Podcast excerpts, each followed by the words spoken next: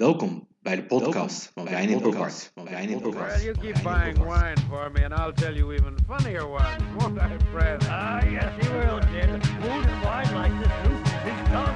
All right, then. Waiter! Oh, waiter! More wine!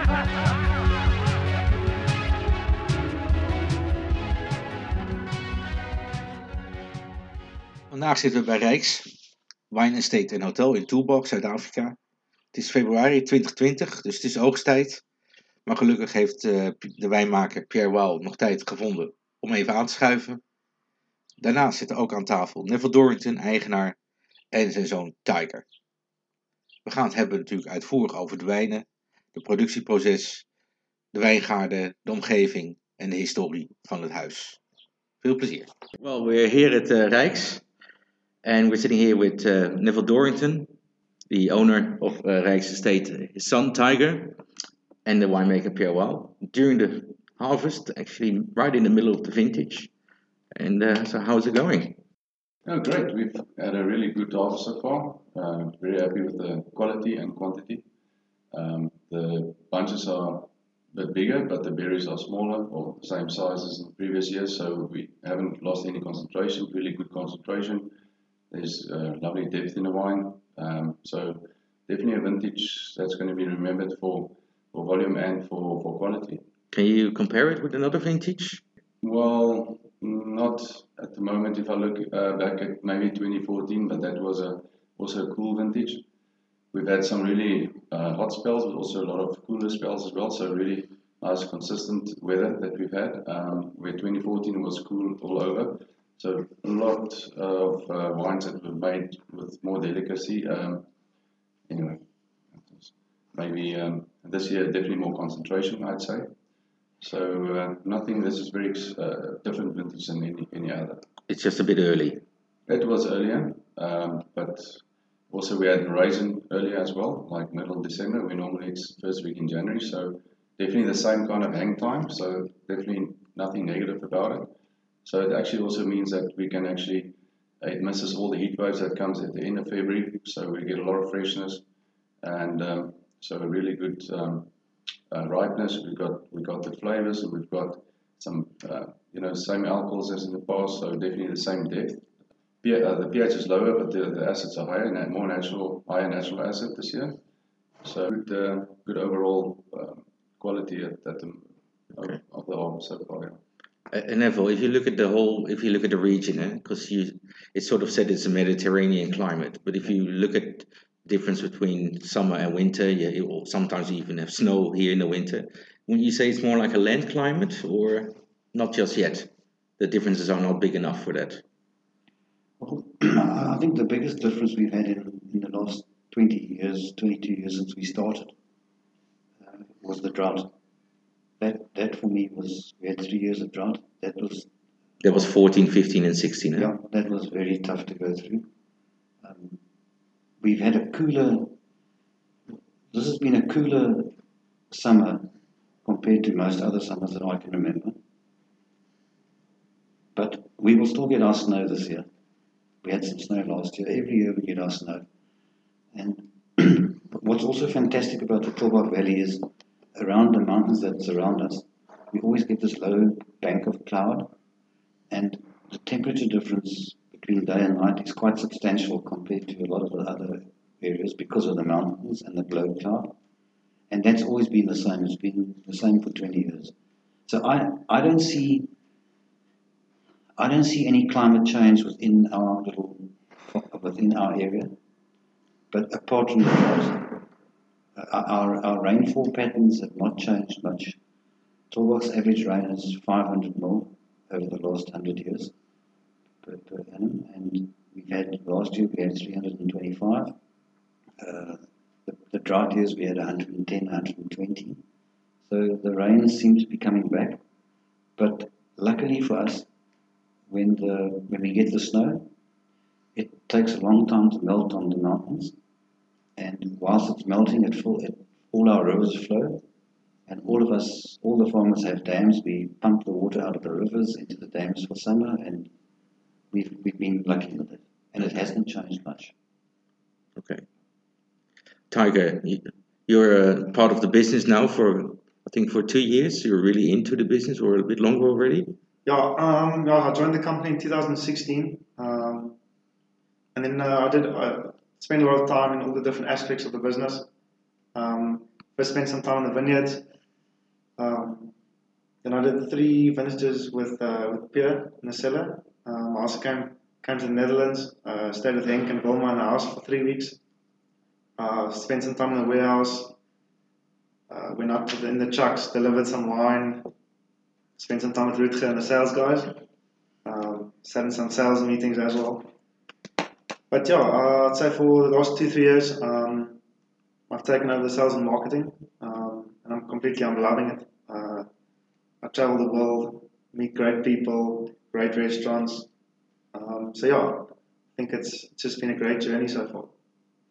So this is the team three. Do you, how many people do you have working here?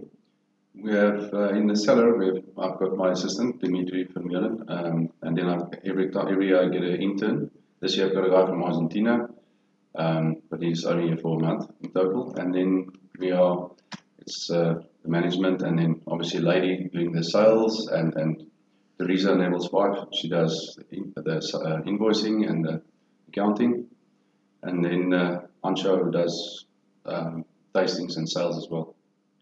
Because you, Neville, you started. Uh, you were in, you were living in Cape Town, Yes. and you were actually looking for a, a, a place to start a, a winery. Yep. And you drove in this valley. Yep.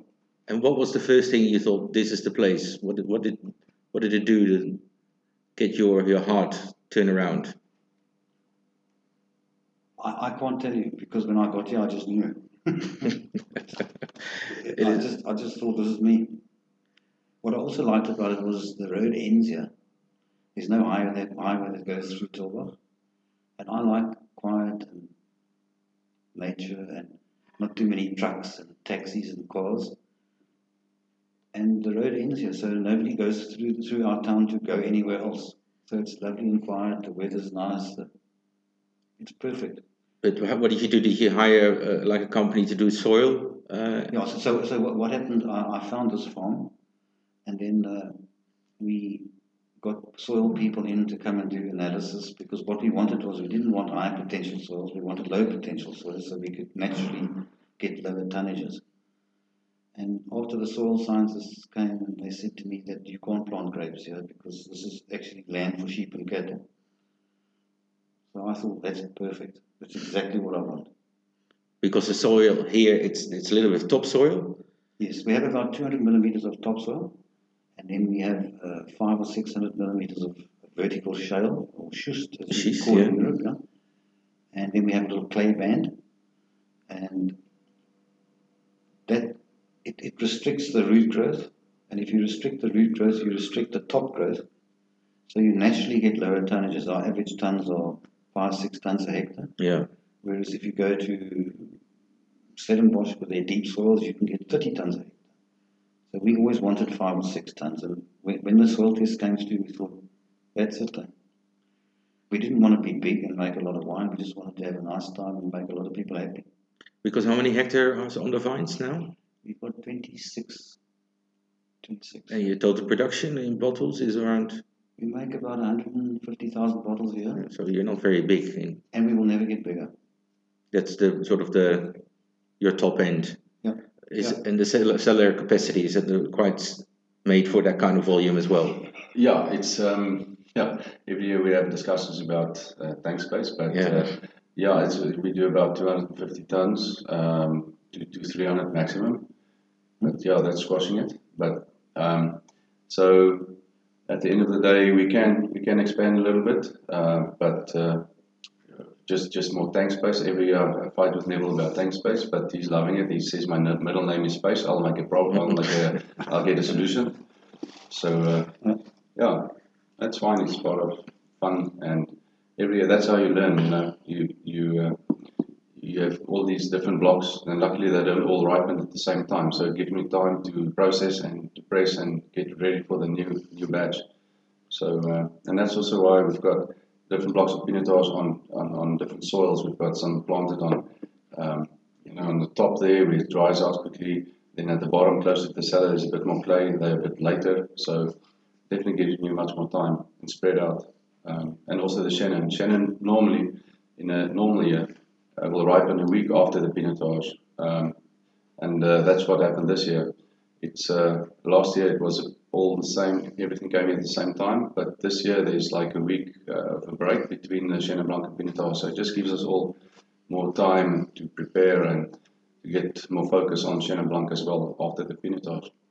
Because if you look down the cellar here, there's a lot of small tanks as well. It's not just Yeah, and uh, you know what? Something I've learned is the more small things you have, the more, the, the bigger the puzzle. You know, the, the more small building blocks you have, the more complex the wine. And that's what's great about the cellar is all these small tanks, and I can play around with and experiment and use different yeast, and that all helps creating wines with complexity. okay. Uh, Tiger, where does the name Rijks uh, come from? Yeah, so um, Ryk Tulbagh was actually the, the first governor of the Cape um, from 1751 to 1771. Um, the Tulbagh actually used to be known as as um, Van Waveren, and um, yeah, so then in, when he passed away, uh, in his honor, they renamed van Waveren to Tulbagh. Um, so my, when my dad bought the farm in 1996, uh, he was looking for a name. So the farm's original name is Middelpost. Um, so two, three hundred years ago, all the farmers used to come here every two, three months and get all their, their post um, from their loved ones. And when he looked for a name, he, in Ryk Tulbagh's honor, he wanted to name the farm Rijks. Um, and obviously, also there's a museum in, in Amsterdam called Rijks. Um, and yeah, it's, it's just fantastic to have this this heritage. Uh, I think we can be extremely proud of it. Yeah. Okay. Uh, about uh, about you've got a couple of different ranges eh, in your uh, portfolio. Uh, You've got your touch of oak, and then you've got your private cellar, and then your reserve. If you look at the Chenin, uh, you use suddenly with the the private cellar you use hung, uh, Hungarian oak, Yeah, we've um, but not in your uh, touch of oak or not in your or in your eight at eight or whatever. So just for that series, why is why is that? Well, it's uh, for the touch of oak. It's it's we use older barrels, so we do have some Hungarian oak also in the touch of oak, but it's like third, fourth fill. So the oak doesn't play at any uh, doesn't have any influence whatsoever. Um, where for the private cellar, the Hungarian oak is so respects the varietal characters. It's a very subtle oak, so it does. Chenin Blanc is not like Sauvignon or Semillon that's got a lot of spice and fruit. So it's it's got a lot of uh, varietal, um, you know, its own varietal uh, characters, which is very.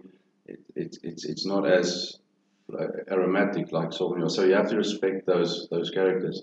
And if you use a Hungarian oak, which is a bit more neutral, you actually bring out the varietal characters. So it helps where the French oak gives you a bit more, um, uh, can I say, a bit more toasty characters, a bit more vanilla characters, a bit more oak, oak uh, flavors.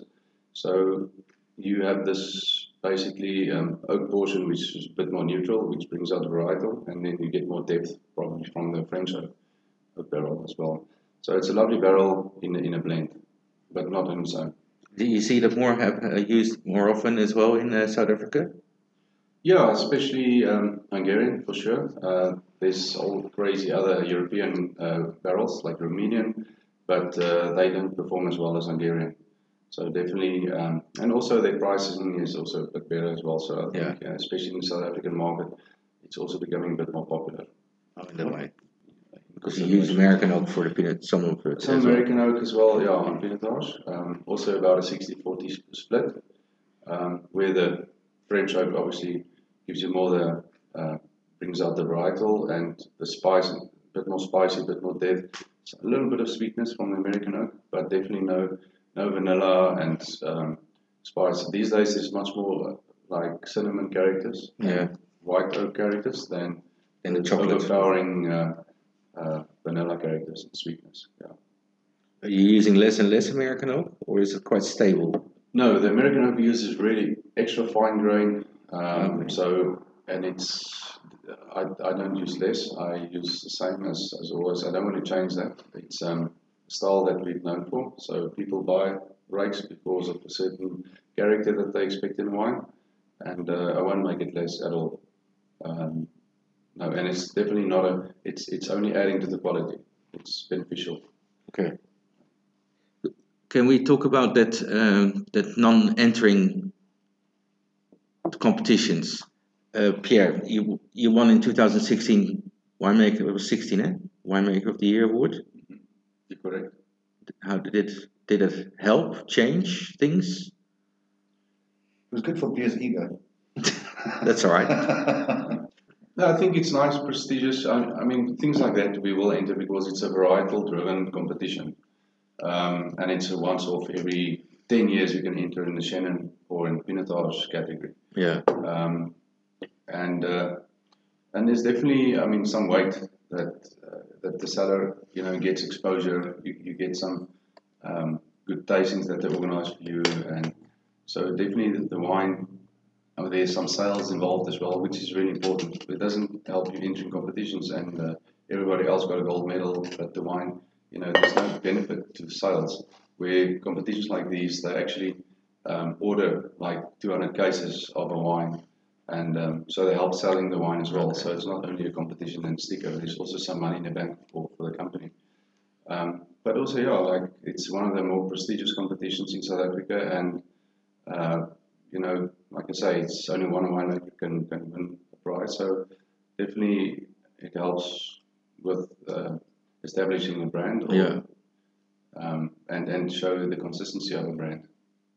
Because uh, Tiger, you don't enter like into Platter anymore. You're in the book, of course, Yeah. uh, but uh, you don't enter to that and or other uh, competitions for a couple of years now. Yeah. Uh, can you explain why you do that?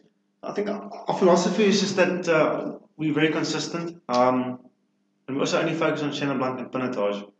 Um, so we also like to support. We we're part of the Chenin Blanc and Pinotage Association, and um, they've comp- got a competition called the Standard Bank Challenge. Um, so every year they select the top ten Chenin Blancs in South Africa. Um, we've made that uh, numerous numerous amount of times, and then. Um, we also enter a competition called the ABSA Top 10. Uh, we're one of the, the front runners in that competition as well. Um, so in the last 20 years, we've been the most consistent Pinotage producer in South Africa. Um, so, and it's all tasted blind. Um, obviously, I, always tell people, um, if, for instance, if my dad and Pierre had to both make a wine, and uh, I'm good friends with my dad, and and I don't like Pierre so much, you can put the same wine in front of me, my dad's wine's definitely going to taste better for me because he's my friend. Um, And, and the other way around. yeah. So we, we, we human beings, um, we, we do have certain uh, propaganda in our mind. Um, but yeah, for us, the end of the day, it's all got to do with relationships. Um, you want to you want to be in the top restaurants um, because it's all about food and wine pairing for us. We sell about ninety percent of our, our wines in the world all in top restaurants. Um, and I think going forward, we want to just be be better and better each year. Okay, because uh, talk about restaurants. You, you bought the hotel back that was on the farm Yes. uh, last year, I think, or two years ago. Yeah. Because you, were owner, you were owner in the beginning, weren't you? Yeah, we, we built it in 1998 when we started the farm. And uh, we ran it for eight or ten years, I can't remember exactly. And it was a lot of work. And I was having lots of holidays. And then our wine was top notch. And the hotel got worse and worse and worse through the new management, new owners. And it was Tiger's dream always, because when he was born on the farm in 97, it was always his dream to get the hotel back because he couldn't handle the fact that uh, our wine was good and the hotel wasn't good. And when people visit us, they, they see one place, not two. So it got to a point where we just said that's enough. So we bought it back at the end of last year, uh, yeah, Jan- well, January last year, and we we refurbished the whole place. We've spent a lot of money, and it's, it's very tastefully done. Our food is great. It's, I'm I'm proud of it now. And No, it looks fantastic. are. Yeah, so it's Yeah, we want we want a happy family again. and we can't let our customers come come from Europe and South Africa and come and stay at, at a not that great a place. so now they can all be happy. Well, I I think I've always wanted the, the wines and the and the race experience also always to be on par. Um, so it's nice to have control and um, especially to give customers the, the full race experience. No, this is really, so what is this fascination with Pinotage? What is about that grape that is only grown here, which is really true South African, but has you can buy really cheap Pinotage, you buy, can buy your Pinotage, is excellent. What is this this this this this grape for for here? What does it do? Well, for for rights, you mean? Yeah, Well, yeah, Pinotage is um, definitely. Well, we we when we started out, we had ten varieties, and we had to, with with time, we um, saw that Pinotage was definitely the best, consistent, the more consistent uh, red red grape variety, and uh, you know, sales wise and competition wise, um, and the reason for that being that it's early ripener and it uh, has a lot of flavor and very attractive varietal characters, very um, a lot of red fruit, red berries, and it's also versatile because we make three different styles. You know, we make this um, Touch of oak, which is uh, everyday drinking wine. I, always say it's breakfast wine, but nevertheless it's a you know swimming pool wine or a lunchtime wine.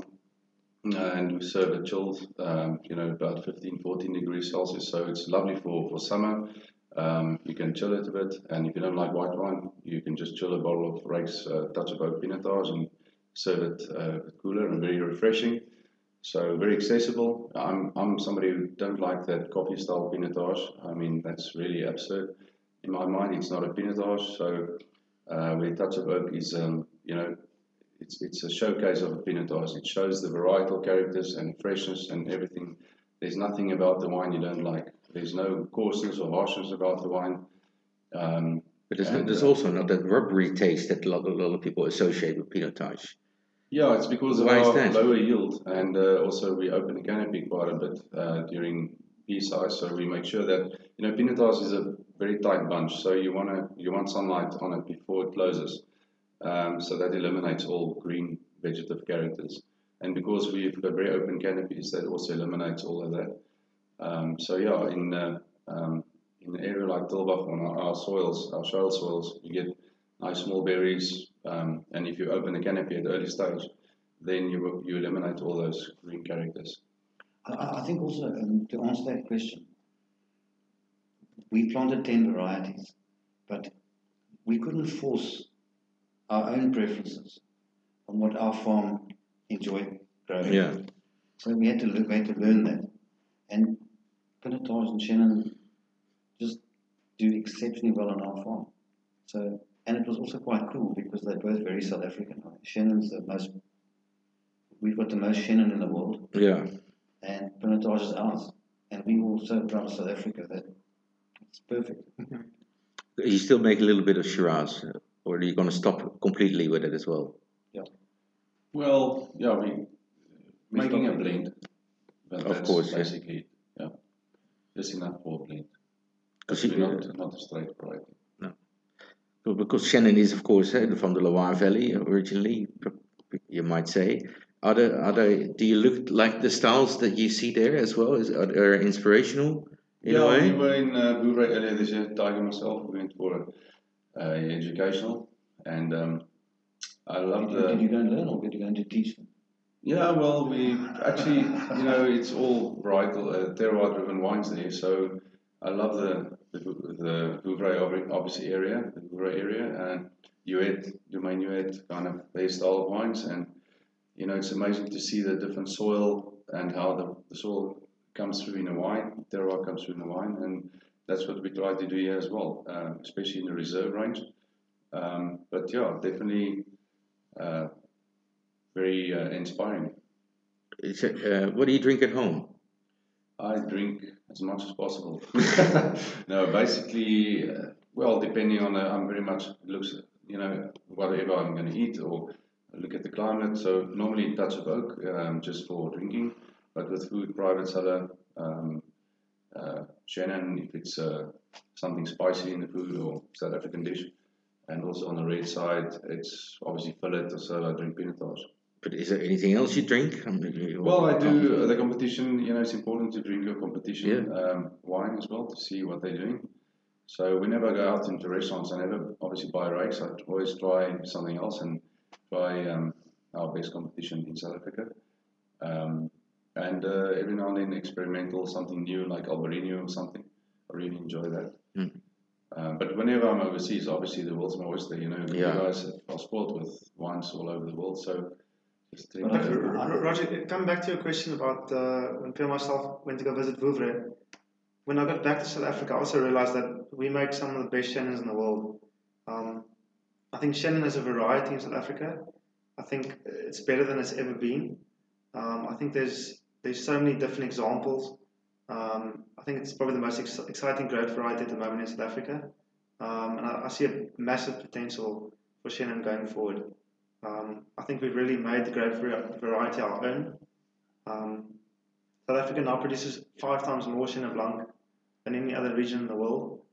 Uh, we've been working with you now for 2003. 2003, so s- will be 17 years this year. Yes, the first order was 2004, eh, you said. No, we, we were at uh, ProWein and uh, three guys pitched up there in suits, all youngish, tallish, blondish kind of guys. And uh, Is still blonde then? And then they tasted the wines. and they said, no, we want to go and ask our boss if he will please come and taste your wines. And Hank pitched up. And he tasted the wines and he was, he said, I like these wines. Then we sent him some samples and they, then it all just happened. And it would be nice, I think it would be very nice in the world if we had more of uh, your company's philosophy. I love the fact that your, your company is very much about eye contact. Instead of selling things on computers and with emails and Yeah. you, you all go and see you see your customers eye to eye and I think in the future that's going to be more and more important because everybody's going to become so impersonal. So our us being small and you guys also being bigger but still small in the world, we're going to have to do eye contact more and more and more because that's how we're going to survive these Amazons and the big guys. Yeah. It's got to be about relationships and our relationship in, in Europe with, with all our importers. If we don't like them, we don't really want to do business with them. We want to have a nice time too. eh? Yeah. So it's quite nice to be in that position, and I think Tigers, Tigers increased our exports um, since he's taken over the sales two and a half years ago. Um, he's, uh, our local sales have, have probably increased in that period maybe forty percent. So where, because you know you're taking over Tiger slowly but surely. Where do you, what, what is the direction you want to go? Well, you want to make, make better wines, I'm sure. Yeah. But uh, what would, what is your ultimate dream to do with this company? Yeah, um, so I've taken over the winery, uh, and then once a week, myself and my dad have a meeting. Um, obviously, I ask him for his advice. Uh, he's got a lot of, lot of experience. Um, but yeah, going forward, I think I definitely want to be, be the best Chenin Blanc and Pinotage producer in South Africa. Um, I'd like to stay small, like to stay boutique winery. Um, we must always stay humble, um, keep our feet on the ground, remember our roots. But yeah, I just I love what I do. Every morning when I wake up, come to work, I've just got a passion and a drive for what we do, and I think we must just keep that feeling. Um, but yeah, living in this in this beautiful valley, um, also working with Pierre, Pierre's been here for 18 years now. It's really it's like a family. It's, it's something you can't explain. Uh, I don't know. For me, it's just always been like this. So I'm, I'm, this is all I'm used to. Uh, Roderick, before you go, um, I'd just like to to invite all your customers uh, to our to our hotel. Um, they can either mail me at Tiger Drakes. Um, please come visit. Uh, we can go over the farm and go through the cellar and do a tasting with Pierre. I think it'd be fantastic. Um, we always love having you guys on the farm. Yeah, and you can stay the night. we can have a bright house. Neville, thank you very much. Pleasure. Would you like to say something to uh, our clients to finish it off?